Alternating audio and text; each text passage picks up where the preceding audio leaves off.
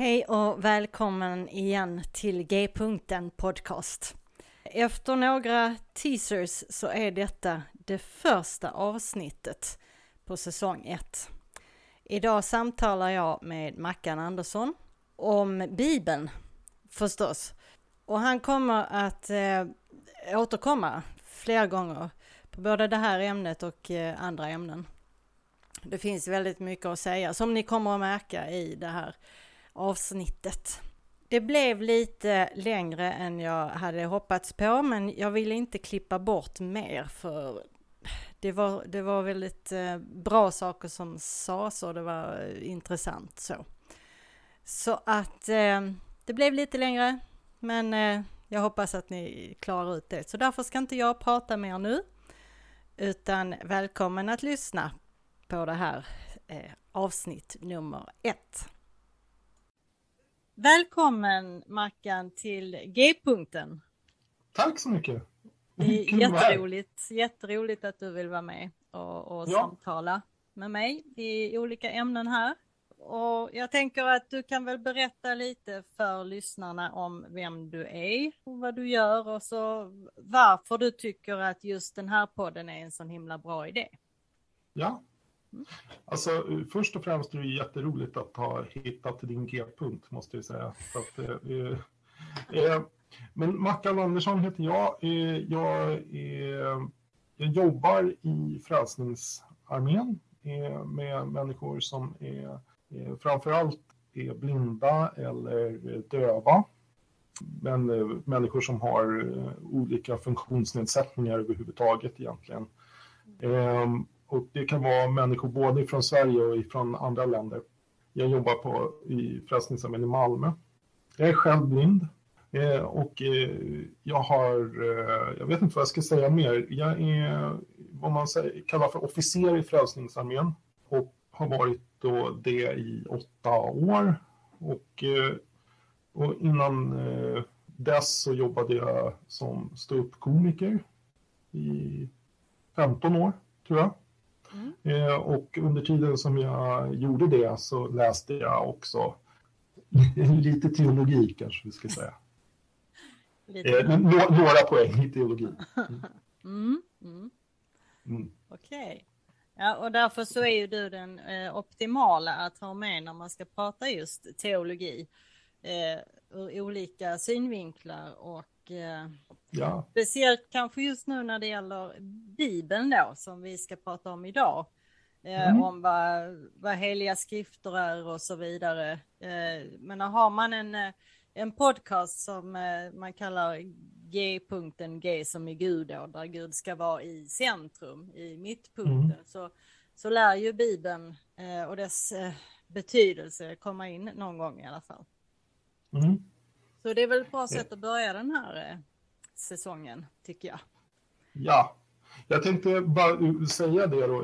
Nu, ska, nu låter det som jag sitter och skryter här, men eh, inom teologin så kan det ju vara så att man, att man liksom inriktar sig eller specialiserar sig på olika frågor. Och eh, min specialisering är alltså eh, dels historia, alltså varför är de böcker som vi kallar för Bibeln, varför är de med i Bibeln? Och, och, dels så är det då språklig exegetik, det vill säga jag läser Bibeln på, på de språk som den är skriven på från början. Så eh, eh jag är jätteglad att jag får komma hit därför att det är ingen som, som brukar vara så intresserad av, av de där frågorna annars. Eh, mellan, eh, men det här, var ju, det här är jättespännande, Monica. Mm. Det är ju fantastiskt spännande.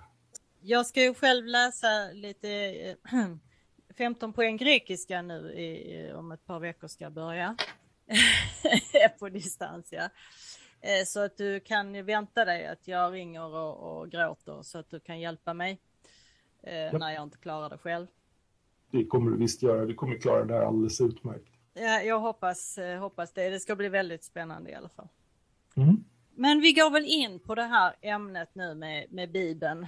Mm.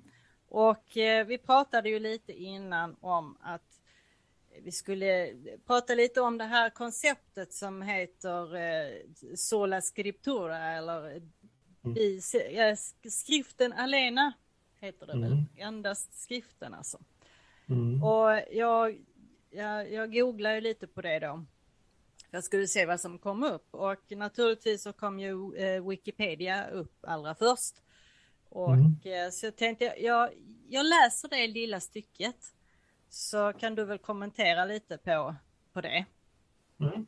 Eh, Sola scriptura, ofta återgivet som skriften alena, ibland kallad reformationens formalprincip, är ett teologiskt begrepp som innebär att Bibeln som Guds skrivna ord är självautentiserande, eh, tydligt förståelig för den rationella läsaren, sin egen uttolkare och tillräcklig i sig själv för att utgöra den enda källan till den kristna doktrinen.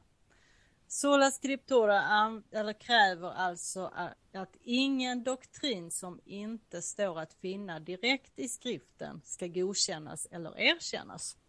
Den lätt nedsättande termen heretisk användes vanligen av protestanter för att fördöma läror och institutioner som tydligt ansågs avvika från skriften. Punkt. Punkt. Ja. Ja.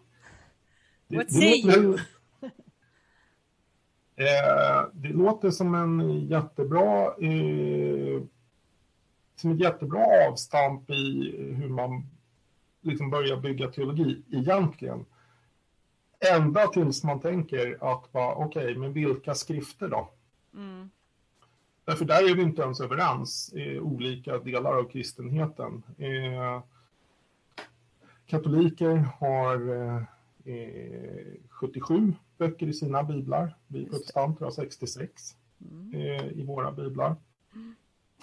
I, eh, sedan eh, eh, Bibel 2000 kom eh, så finns det ju i den åtminstone i vissa tryckningar, ett, elva böcker liksom mellan gamla och nya testamentet, mm. där det står tillägg det till gamla testamentet. Det gör det i min eh, bibel. Mm. Ja.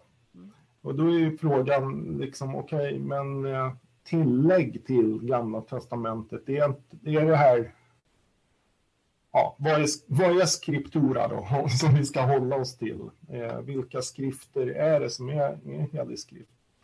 Eh, och det där är inte superenkla frågor, hävdar jag. Därför att eh, om man går tillbaka liksom genom kyrkohistorien så, eh, så är frågan liksom hur, hur har man sett på det skrivna ordet? Eh, det, är inte, det är inte självklart just de böcker som, som eh, de här elva böckerna då som finns förutom eh, de övriga i, till, till gamla testamentet. Det som i, i nya biblar då står som tillägg till gamla testamentet och som en del tidigare då eh, protestanter har kallat för apokryfa böcker. de är ju Eh, de ansågs liksom av tidiga kyrkan som eh, Guds ord, mm. eh, faktiskt. Eh, de var liksom en del av den, eh, den kyrkliga traditionen och också den judiska tradition eh, som fanns runt Medelhavet som inte var liksom i Israel. Eh, judar som var någon annanstans och läste Bibeln på grekiska, de har läst de här böckerna. Så därför så är det, ju... det är inte så enkelt som att säga bara att de, de hör inte till Gamla Testamentet, utan eh, för det går inte ens att säga att judarna hade inte de böckerna, utan snarast judarna i Israel på Jesu tid hade inte de böckerna, medan judar i något av grannländerna hade de böckerna då, till exempel. Ah, ja. Så det är lite så här, det, är knixigt att prata eh, sola scriptura eh, egentligen eh, när man börjar tänka efter.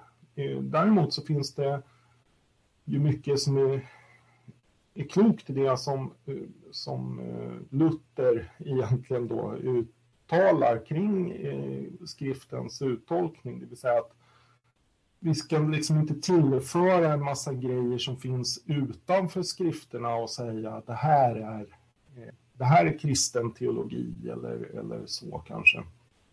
Eh, åtminstone inte utan vidare, utan då måste man förklara var, varför tror vi att det är det, eller på vilket sätt läser vi skrifterna då, mm när vi kommer fram till sådana tolkningar.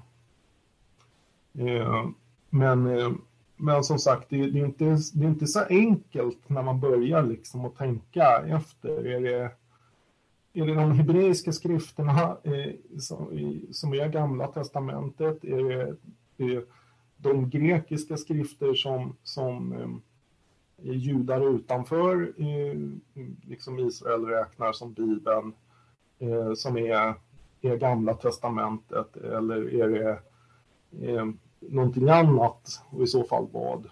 Och samma med Nya Testamentet, att det tar ju faktiskt, man är ju i princip klar överens om vilka böcker som hör till Nya Testamentet. Den sista boken i Nya Testamentet skrivs omkring år 90.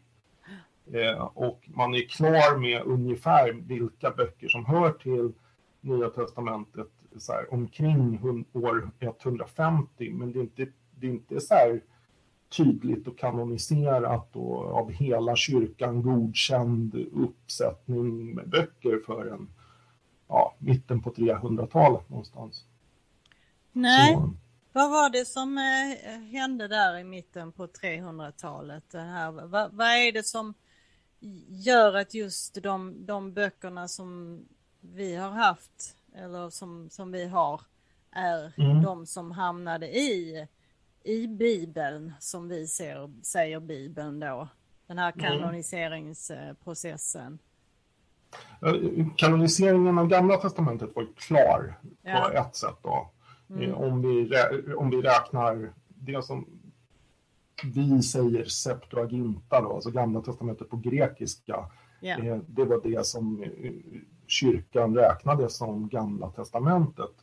Eh, så det var färdigt. Men Nya Testamentet så är det så att eh, under, eh, jag ska säga, under kristenhetens första 300 år så sprider sig liksom kyrkan eller kristenheten över hela den kända världen. Eh, och eh, vissa delar av kyrkan blir väldigt eh, påverkad av östlig filosofi och vissa blir väldigt på, liksom här i Europa då, blir en, en mer västlig grekisk eh, filosofi. Och det innebär att man inte är riktigt överens om vem, alltså hurdan är Kristus och hur funkar treenigheten och alltihopa sånt där. Så i början på 300-talet så, så 320, hjälp mig, 9 kanske, eller något. Mm, 320-talet i alla fall. Mm. Eh, så, eh, så kallar man samman ett biskopsmöte i Nicea. Mm. Och eh, där man liksom kallar alla biskopar i hela i hela kyrkan. Mm. Alltså från väst till öst.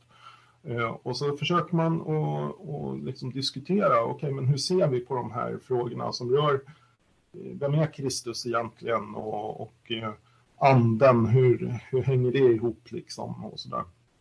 Och så försöker man då att sammanfatta en, en trosbekännelse och vid det där kyrkomötet då så, så då kommer teologer från väst och öst och alla liksom har med sig sina uppsättningar med skrifter som de tycker är viktiga då liksom för att understryka deras position i, i den här eh, diskussionen eller vad man ska säga. Mm. Eh, och man är ganska överens om vilka böcker det är som hör då till Nya Testamentet, men det finns ett par böcker som man inte är överens om. En, en sån bok är Thomas evangeliet mm. Mm. Eh, som var jätteomtyckt i öst, men inte i väst. Och en annan bok eh, var Uppenbarelseboken, mm. som var jätteomtyckt i väst, men inte i öst. Eh, och så eh, Eh, och så samtalar man om, är det här egentligen man, man var rätt överens om att eh, eh det här är eh, det här är böcker som är de är ändå skrivna av apostlar, liksom, de som levde närmast Jesus. Ja. Eh, alltså borde de passa i, i skrifterna båda. Men eh, Thomas evangeliet föll på eh, till sist att eh, det innehåller liksom inga sammanhang, vilket innebär, utan det står bara Jesus sa det och sedan en replik som Jesus ska ha sagt någon gång vid något tillfälle. Okay. Och då var det väldigt svårt att liksom bygga lära på det menade man. Mm. Eh, och det var ju riktigt. Eh, och så småningom då, så man kom inte överens om eh, Uppenbarelseboken vid Nicea, men däremot senare vid Chalcedon, tror jag, mm. eh, som Uppenbarelseboken till sist togs upp i kanon, där eh, man sa ifrån östsidan av kyrkan att det går utmärkt, men då måste vi läsa den här eh, figurativt. Vi kan inte läsa den ordagrant eh, därför att eh, eh, det, det, leder oss fel. Liksom. Sådär. Eh, det här är eh, bildspråk, eh, så bort med allting så som har att göra med att försöka identifiera vem är det stora odjuret eller sånt där. Det är inte det som är, är, det viktiga med den här boken, utan det viktiga med den här boken är att eh, berätta att Gud har eh, kontrollen även när kyrkan är förföljd. Och, eh, så. Eh, och så kom eh, Uppenbarelseboken med. Vi har varit ganska dåliga på att hålla oss till den typen av läsning när det gäller Uppenbarelseboken, framförallt i väst. Jag tänkte just säga det, vad hände sen? Eh, ja. det, det, var något som inte gick fram där, det var you didn't get the memo. Nej. Um, Nej, för att det är ju ett apokalyptiskt språk och, och eh, det är bildspråk. Alltihopa är ju bildspråk. Mm. Och, och, att uh, läsa det som någon slags uh, bokstavsgrej, det, det, funkar ju inte. Nej, och det, det verkar... har vi ju märkt. Ja, och liksom det blir väldigt om, om, man ser det som drömlogik, nu, jag menar inte nu och jag, jag vill verkligen understryka, jag säger inte och sen vaknade Johannes upp och allt var en dröm, eh, så här, utan mer att eh, Herren gav Johannes en syn, absolut, och uppenbarade vad, vad som skedde i, i liksom det andliga bakom kulisserna i det som eh, Johannes levde i. Mm. Eh, så både i eh, vad som händer i olika samtida församlingar men också vad som händer i, i liksom världen i stort och, och, hur ser framtiden ut och, och så vidare. Mm. Eh, men, eh, men det, som jag, det som jag menar är att det finns en drömlogik i det där saker och ting dels inte alltid inträffar i den eh, ordningen som de berättas. Liksom. Och dels eh, så är det så att eh, i drömmar så kan vi liksom först befinna oss på ett ställe och en viss tid och sen nästa stund så är vi på ett annat ställe i en helt annan tid så att säga. Mm. Eh, och eh, jag tror att man måste vara medveten om det när man läser Uppenbarelseboken att det, det här är inte liksom en ängel kom till till Johannes och gav diktamen och säger så här, ja, skriv ner så här, liksom. utan det är just, Johannes försöker sätta ord på en upplevelse som han har varit med om. Just det. det ser man för övrigt, förlåt nu blir jag jättenördig, men om man tittar i Uppenbarelsebokens 21 kapitel så handlar det om eh, evigheten och det står att Herren ska torka alla tårar från våra ögon och det kommer inte finnas någon sjukdom mer och ingen smärta, ingen död. Och sen så, så, så börjar Johannes beskriva och sen kommer Jerusalem ner från himlen. Så här, det nya Jerusalem kom smyckad som en brud liksom ifrån himlen. Och sen bara pajar språket. Och det, för mig är det tydligast eh, exempel på liksom hur det här är inte eh, det här är ingen ängel som har stått bredvid och sagt skriv ner det här. Utan det som har eh, skett är i själva verket att det är Johannes som beskriver vad är det för någonting. Och han kan inte, han kan inte beskriva det därför att vårat språk klarar inte av att beskriva. Utan plötsligt så är det så här så, så, så beskriver han och gatorna var som av guld, av renaste guld, av glas, fast guld liksom. Man bara, vänta, vad, vad, vad, säger du här ens överhuvudtaget? Det syns i översättningen, om du går in och tittar i, i den svenska översättningen, eh, så ser man det där också. Det är supertydligt att, att liksom här går språket sönder för Johannes. Han försöker beskriva någonting som är så vackert så att det finns inte jordiska ord för det. Liksom. Men läser du på grekiska, då är det så här, det är som att stå på huvudet i ett flipperspel. Det är helt, helt eh, eh, man blir attackerad av alla adjektiv liksom när man, när man läser. Mm. Yes. Förlåt, det blev en Nej. utvikning. Ja, men det är, väl, det är väl bra. Det är väl bra för att veta hur, det, hur de kom till och, och alltså den här, det som vi kallar Bibeln och det som många, eller många av oss läser i varje dag och, och håller för eh, liksom, Guds ord eller inspirerad av Gud. Eh, så är det bra att veta hur det har kommit att det är just de här och varför och så vidare. Mm. Um, och då är ju, eller frågan är väl lite grann hur, hur, hur många skrifter egentligen behöver vi för att, för att vara riktigt, eller kristna på riktigt då? Uh, så. Um, be behövs, behövs de ens? Ja. Vad säger du själv? Uh, ja, alltså jag kan bara, jag kan väl tänka mig de här jag menar de, de första väldigt många åren så hade man ju inga skrifter utan man, eh, man gick ju på, eh, alltså det var, det var muntliga berättelser och det var upplevelser, erfarenhet och tradition och, så här. Och man mm. var eh, lika kristen för det på något sätt. Mm. Och judarna har ju en muntlig tradition sedan sen gammalt. Det var ju, jag menar, eh, skriftrullarna fanns ju i synagogan. Mm. Det var inte så att man var och en hade det hemma. Um, och sen det, det, finns ju platser också där man inte har biblar överhuvudtaget. Mm. Och människor är ändå eh, djupt eh, connectade med, med, med Gud. Mm. Så eh, ja, mm. Jag har inget svar på det så, men jag kan tänka mig att det finns många sätt att, att ta sig an det.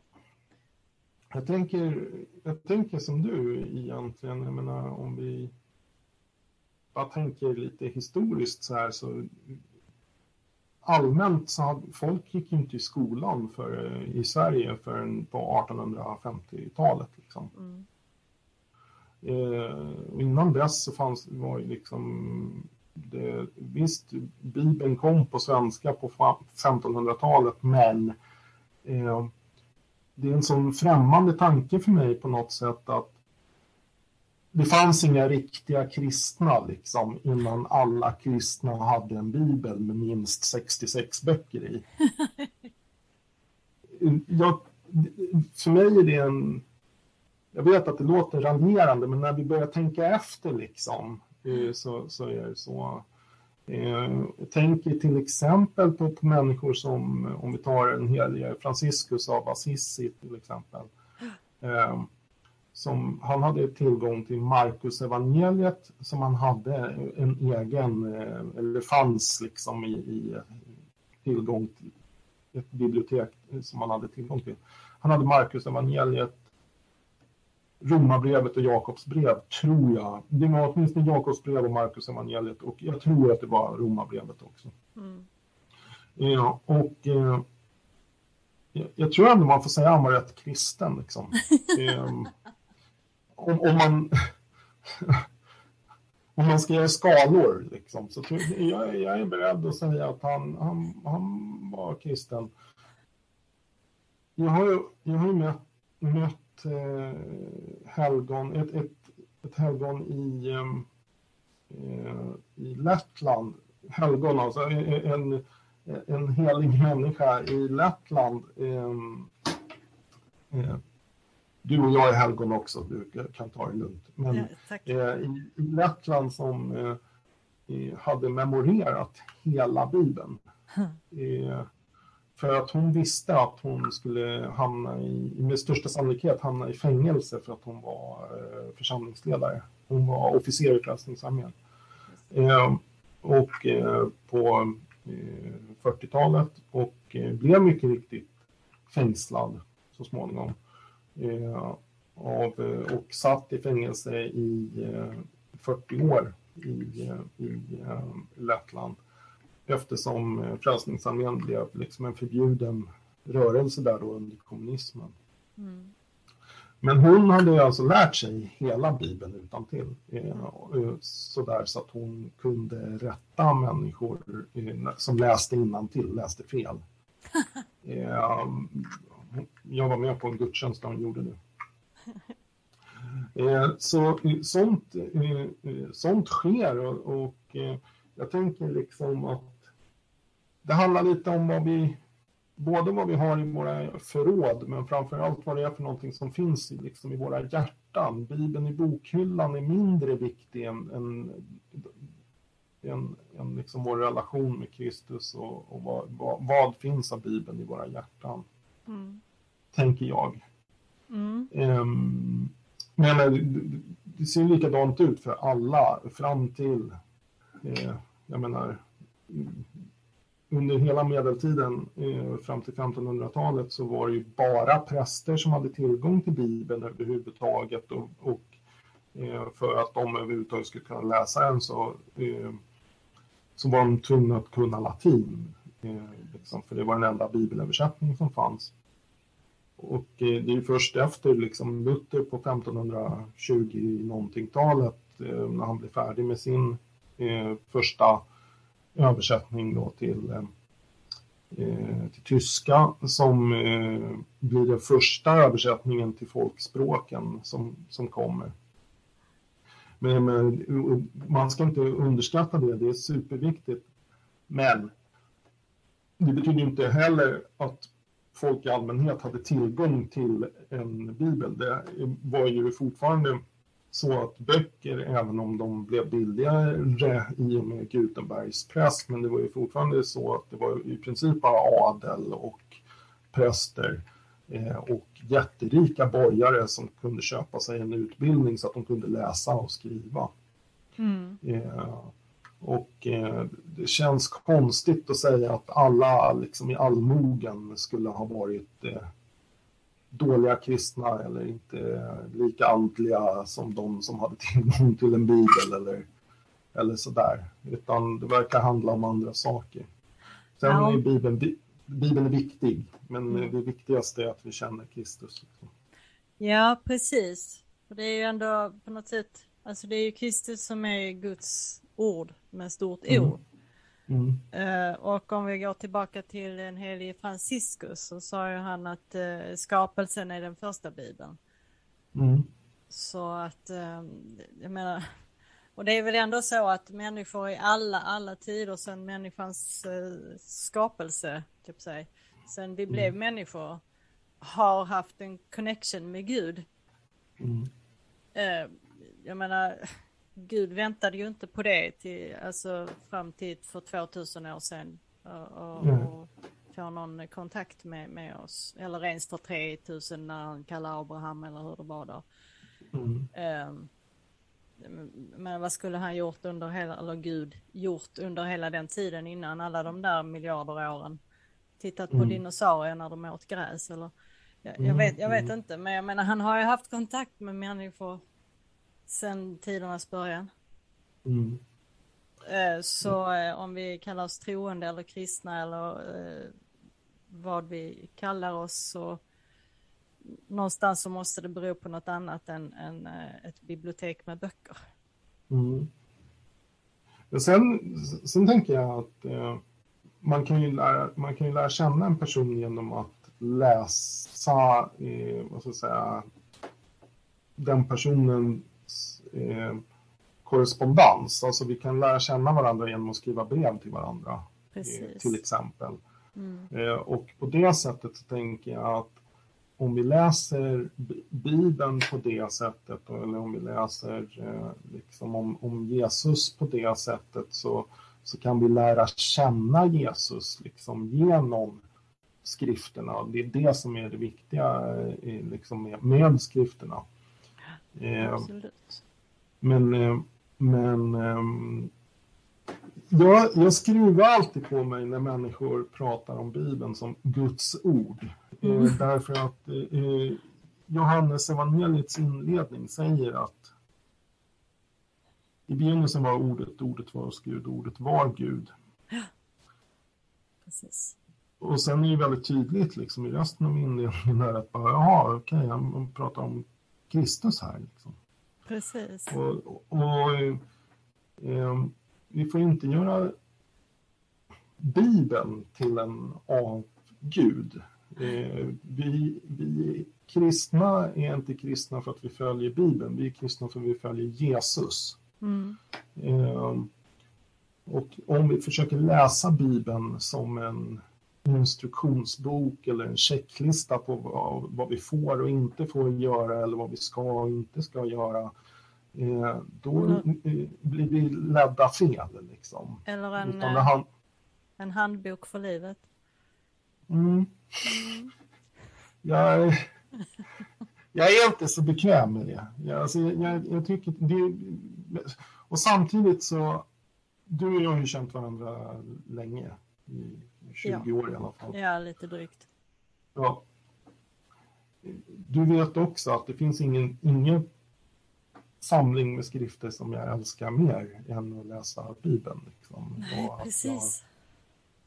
Jag älskar att läsa Bibeln och jag läser Bibeln hela tiden och eh, försöker att att liksom leva i, i texten och, eh, och så. Men ehm, ja, jag, vet inte om det är sno, snobbigt eller snobbistiskt att att liksom eh, hävda att eh, just, eh, eller att bli lite så här obekväm med eh, både att kalla det för en handbok till livet eller att säga att det är en att det är Guds ord. För jag tycker att det leder en fel i tanken. Liksom. Mm. Då måste man vara ganska tydlig med vad man menar med saker och ting som inspiration och eh, kanonisering och Mm. eh, eh, liksom vad, vad tror vi är lätt av anden då liksom. Och så här.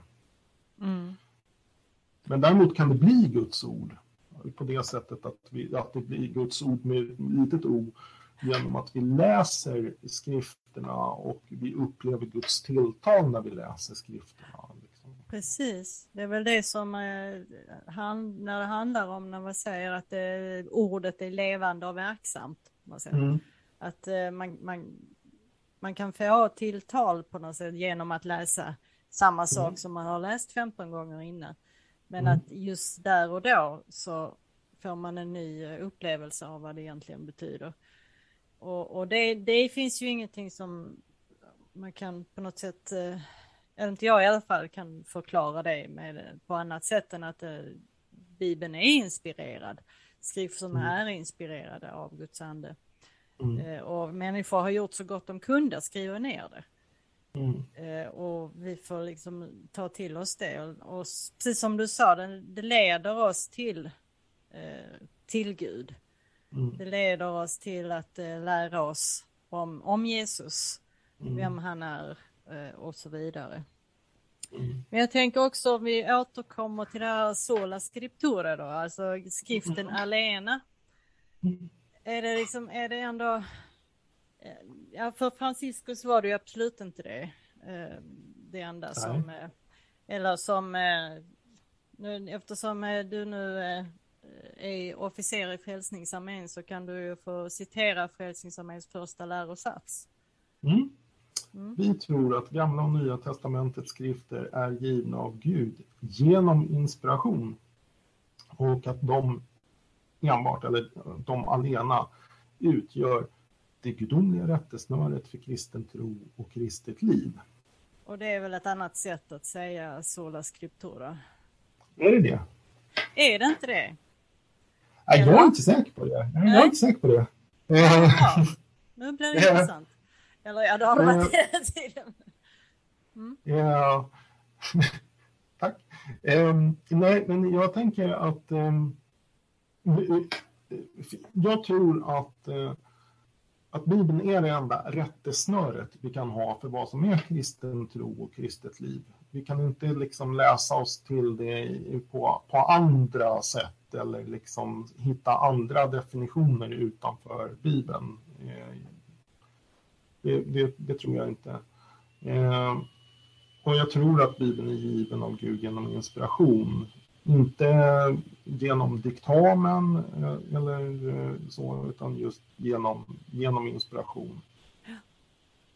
Eh, Herren har, har eh, utandat sin ande över eh, apostlarna och sa ta emot, ta emot Guds ande och de gjorde det och nedtecknade det de hade varit med om. Mm.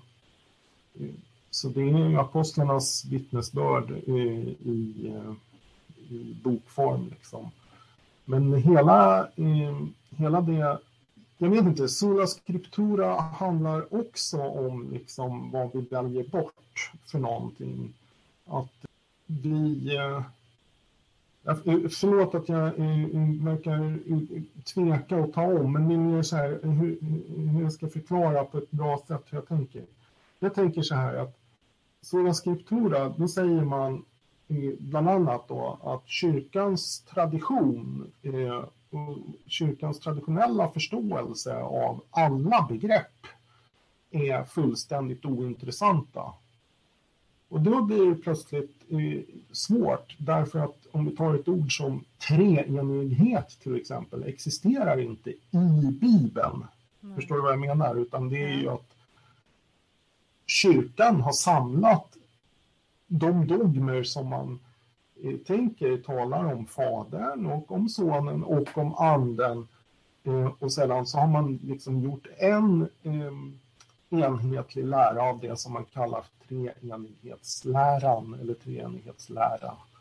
Eh, och eh, men menar man liksom att okej, okay, men eh, det måste det måste stå där, annars är det inte sant eller liksom, annars är det inte kristet på riktigt. Då har man liksom tagit ett steg bort ifrån det där. Då har man tagit ett steg bort ifrån eh, Nicaea och eh, Trent och eh, Chalcedon och, och, eh, och alltihopa liksom.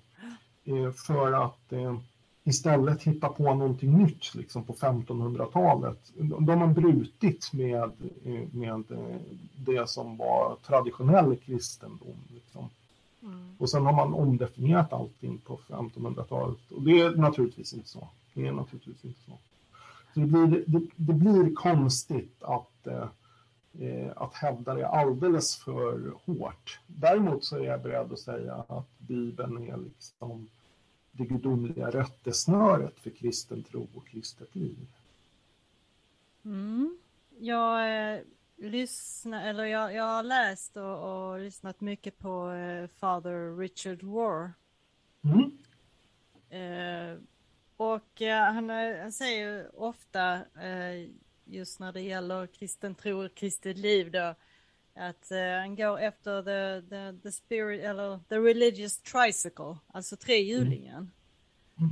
Det är scripture, tradition and experience. Mm. Alltså skriften, um, traditionen och erfarenheten. Där skriften och traditionen är de två bakhjulen då, liksom det stadiga. Och erfarenheten är, är framhjulet då. Mm. Um, hur, hur tänker du om det? Eller vänta lite, vi kan ta en, ja, eh, ta en till. För sen har vi Wesley då. The mm. Wesleyan mm. eh, Quadrilateral som den heter. Det är fyra. Ja, skriften, mm. traditionen, erfarenheten och förnuftet eller förståndet. Mm. Eh, så det hänger samman där. Eh, hur, eh, hur tänker du om, om, om dem?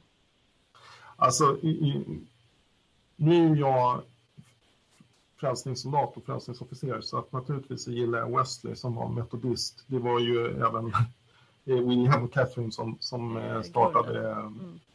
Frälsningsarmén. Så, alltså risken när man pratar om trehjulingar och fyrhjulingar det är att man tänker att alla fyra hjulen är lika stora. Det tror jag inte. Men jag, utan jag tänker att, att Texten är det som eh, kanske är det, det, största och viktigaste verktyget liksom för att lära oss att förstå vem, vem eh, Jesus är. Eller åtminstone vem, vad han gjorde och, och, och, så här. Som jag sa tidigare, man lär känna liksom en person också genom korrespondensen. Sen är ju den personliga erfarenheten eh, superviktig, tror jag. Att, jag tror inte att det är någon som har blivit enbart övertygad in i Guds rike liksom, genom att eh, eh, det här verkar rimligt och så eh, blir de frälsta utan, eller tar emot Jesus eller vad vi nu ska säga, utan man har gjort en, en erfarenhet av att ha mött Kristus på något sätt. Liksom. Mm. Mitt liv har blivit förvandlat. Mm. Eh, och det där kan ju ske i, eh, under lång tid eller vara väldigt så här dunder och brak vid ett enda tillfälle. Liksom. Så att, eh, sagt inom parentes. Mm. Men så alla de där tre sakerna tror jag är, är, är viktiga med, med, traditionen. Och jag menar också i och för sig att förnuftet är, är viktigt. Jag menar att vi ska tillbe Herren av hela vårt hjärta, av hela vår själ, av all vår kraft och av allt vårt förstånd. Vi ska mm. inte lägga liksom hjärnan åt sidan när vi ägnar oss åt andliga saker inom citationstecken. Utan, eh, men eh, ja, älska, älska Herren och eh, så. Men, men igen, alltså man kan inte ta ett för långt steg. Man kan vare sig ta ett, ett för långt steg bort ifrån Bibeln men inte heller ifrån traditionen. Alltså. Det är, för igen, det finns massor med människor som inte har kunnat läsa Bibeln eh, liksom, som förstahandsmaterial utan har fått det förmedlat till sig men som är otroligt goda kristna eh, och lever på ett sätt som eh, så att de är Kristi kropp, liksom, att de faktiskt eh, lägger händerna på de sjuka och de blir friska, eh, förkunnar ett nådens år från Herren, besöker fängelser och, och eh, eh sjukhus och, och eh, eh, liksom klär dem nakna och mm. Eh, stoppar mat i dem som är hungriga. Det är inte mindre viktigt, tycker jag. Nej en, en överbetoning av sola scriptura gör att vi får en överbetoning av vad sker här uppe och, och dels att vi glömmer bort vad som sker i hjärtat hos var och en men också vad det är för någonting som sker i händerna liksom på de som, som tror och tar emot Kristus. Ja, eh, precis. Ja, precis. Mm. Det, det är mycket du. Du, förlåt om jag pladdrar. Nej, jag, nej. Jag tänk, tänker högt bara. det är bra. Det är ju inte så att du liksom har någon, fått några direkt eh, fem, sex frågor av mig i förväg eller så, utan du får ju, du får ju ta det här liksom off the bat. Mm. Eh, men, eh, men är det någonting som du tycker att vi har, vi skulle ha pratat om mer just idag då? Som jag har glömt bort? Jag tänker så här. Jag vet inte om jag är elak om jag säger att om man menar att Bibeln säger det här och jag följer Bibeln och that settles it. Liksom. Så. Mm, eh, om man, man, menar en, en modern eh, sola scriptura, eh, så här, jag läser till och eh, så är det bra med det. Punkt och slut.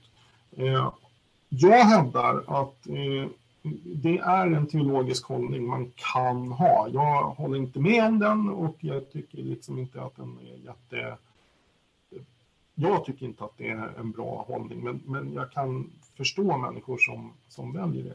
Men jag, om man hävdar det, och tycker att det här är, är rätt, då måste man nog ändå liksom ta ett steg bort ifrån bibelöversättningar och så vidare, därför att varje översättning är ju också en tolkning.